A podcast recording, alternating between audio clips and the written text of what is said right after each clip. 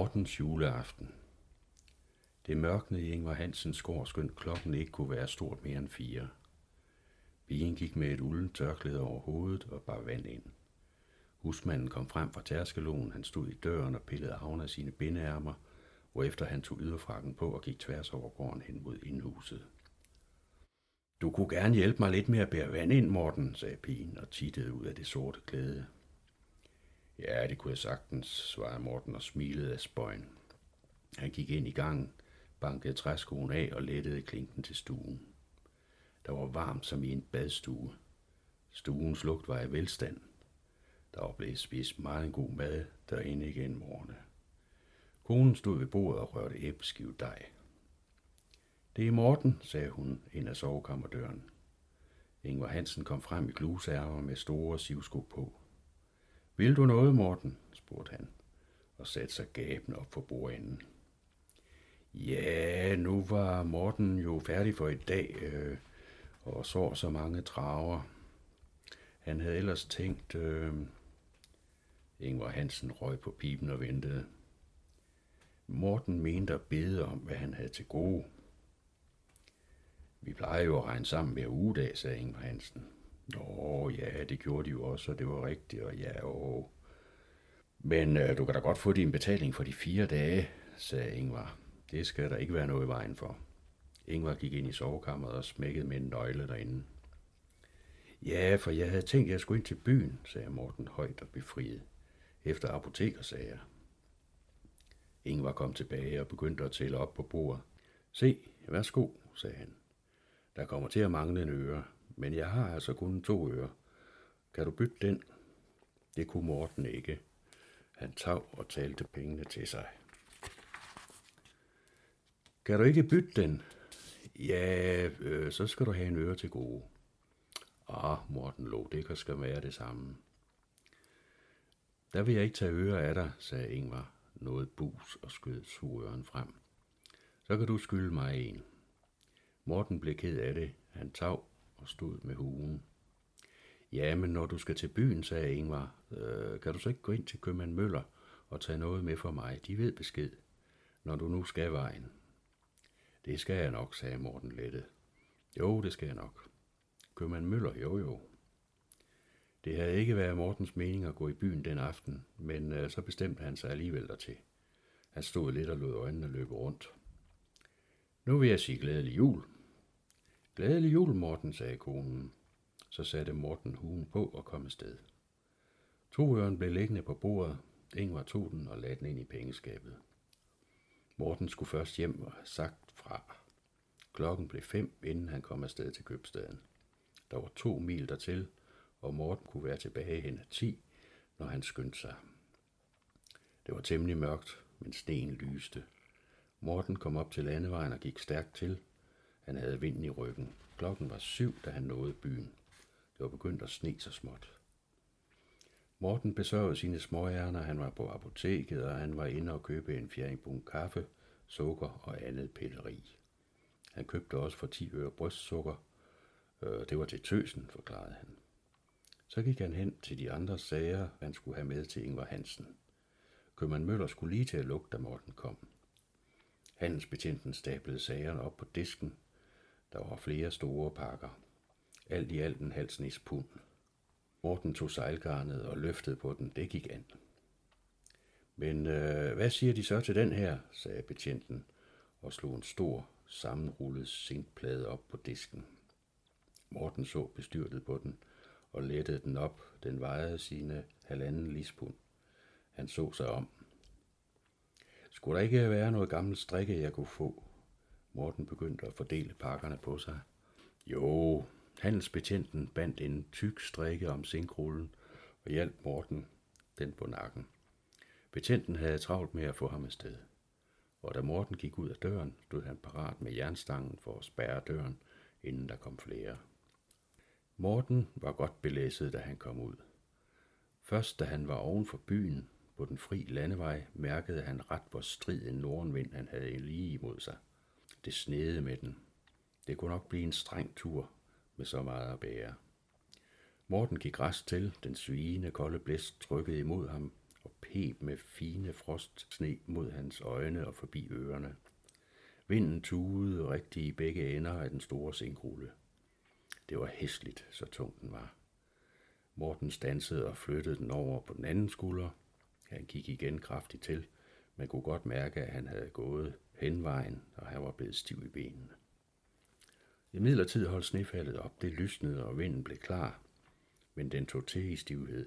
Det blev regnfå, den nyfaldssne, fine sne fø langs grøfterne og ilede over den nøglende landevej. Ude på de øde brakmarker spillede lange snestrimer med vinden. Lette slør fejede afsted. Bag hver lille knold lagde sneen sig i ly. Morten gik til. Vinden gjorde stærk modstand. Han måtte bøje sig forover, tage hver skridt fra den. Frosten skar i hans ansigt. Den tog især på næse og øren.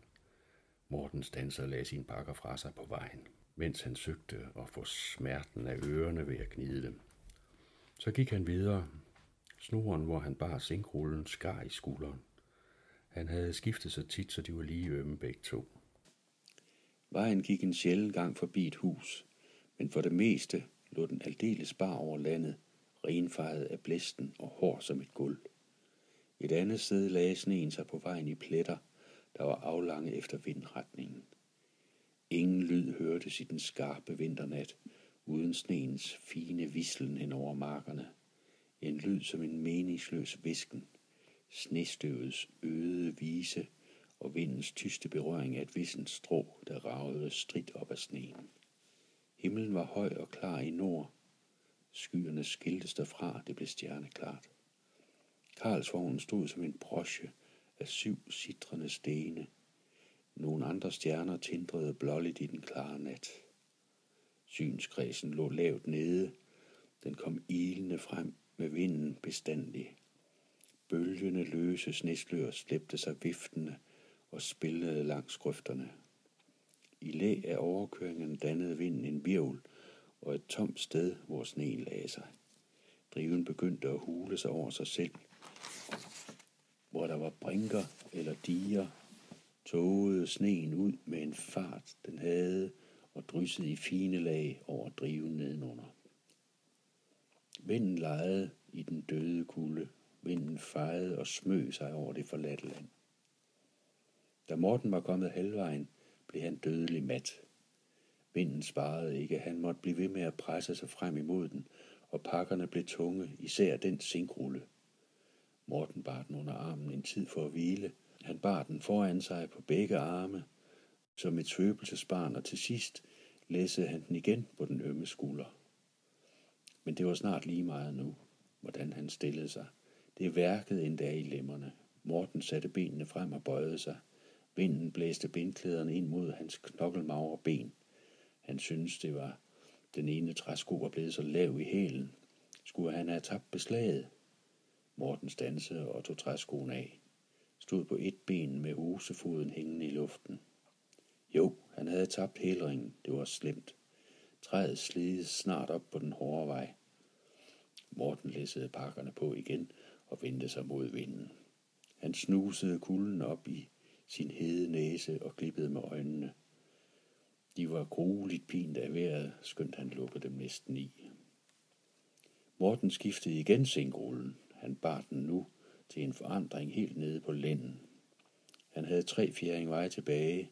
Det var et langt, bart stykke vej. Fjernt ude til sider skimtedes enkelte røde lys. De holdt juleaften alle steder nu. Morten kunne ikke holde varmen. Han svedte koldsved. Hans ben var hudløse, hister her og iskolde. Han måtte vel skynde sig, men det kunne måske også være det samme. Kan hende det var lige meget. Han dinglede afsted og bar igen sinkrullen foran sig i begge arme. Af og til hvilede Morten ved at stå stille. Han lagde ikke byrderne fra sig, for det var lige så meget møje at tage dem op igen. Så lang en nat det var, så evig en vandren mod den ædende vind, den stumme vind, og kulden gik gennem klæderne og kryb op på det nøgne bryst. Morten huskede nogle gange, at han havde haft det godt og havde sovet i varme. Det skulle ikke time sig mere. Han skulle aldrig mere få lov at sove, Så søvnig han var, så søvnig. Sneen fød som hvide lin. Det fine støv rislede over vejen. Det så ud, som om det strømmede bort i hvide striber. Da Morten øjnede lysene i byen, stod han stille og duede i blæsten. Han tænkte sig om og syntes, at det, han havde været ligesom hende. Uden at vide det, havde han nok været ved at synke og glide ud. Tomheden havde haft sine arme om ham og viskede ham i ørerne om det gode ved hvilen, det velsignede.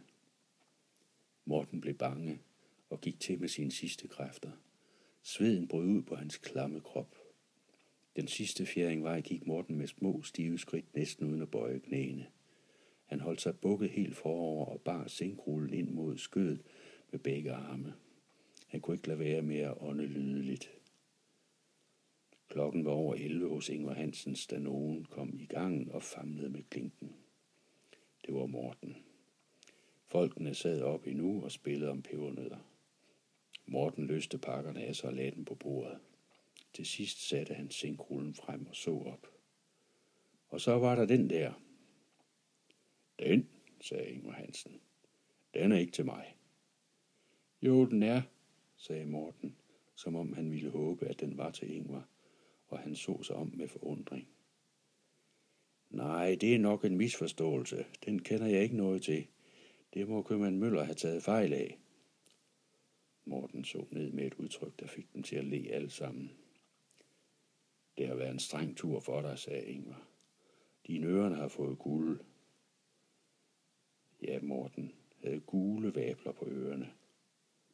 Juledagen over blev Morten liggende i hjemme i sengen af træthed. Men ellers tog han ingen skade.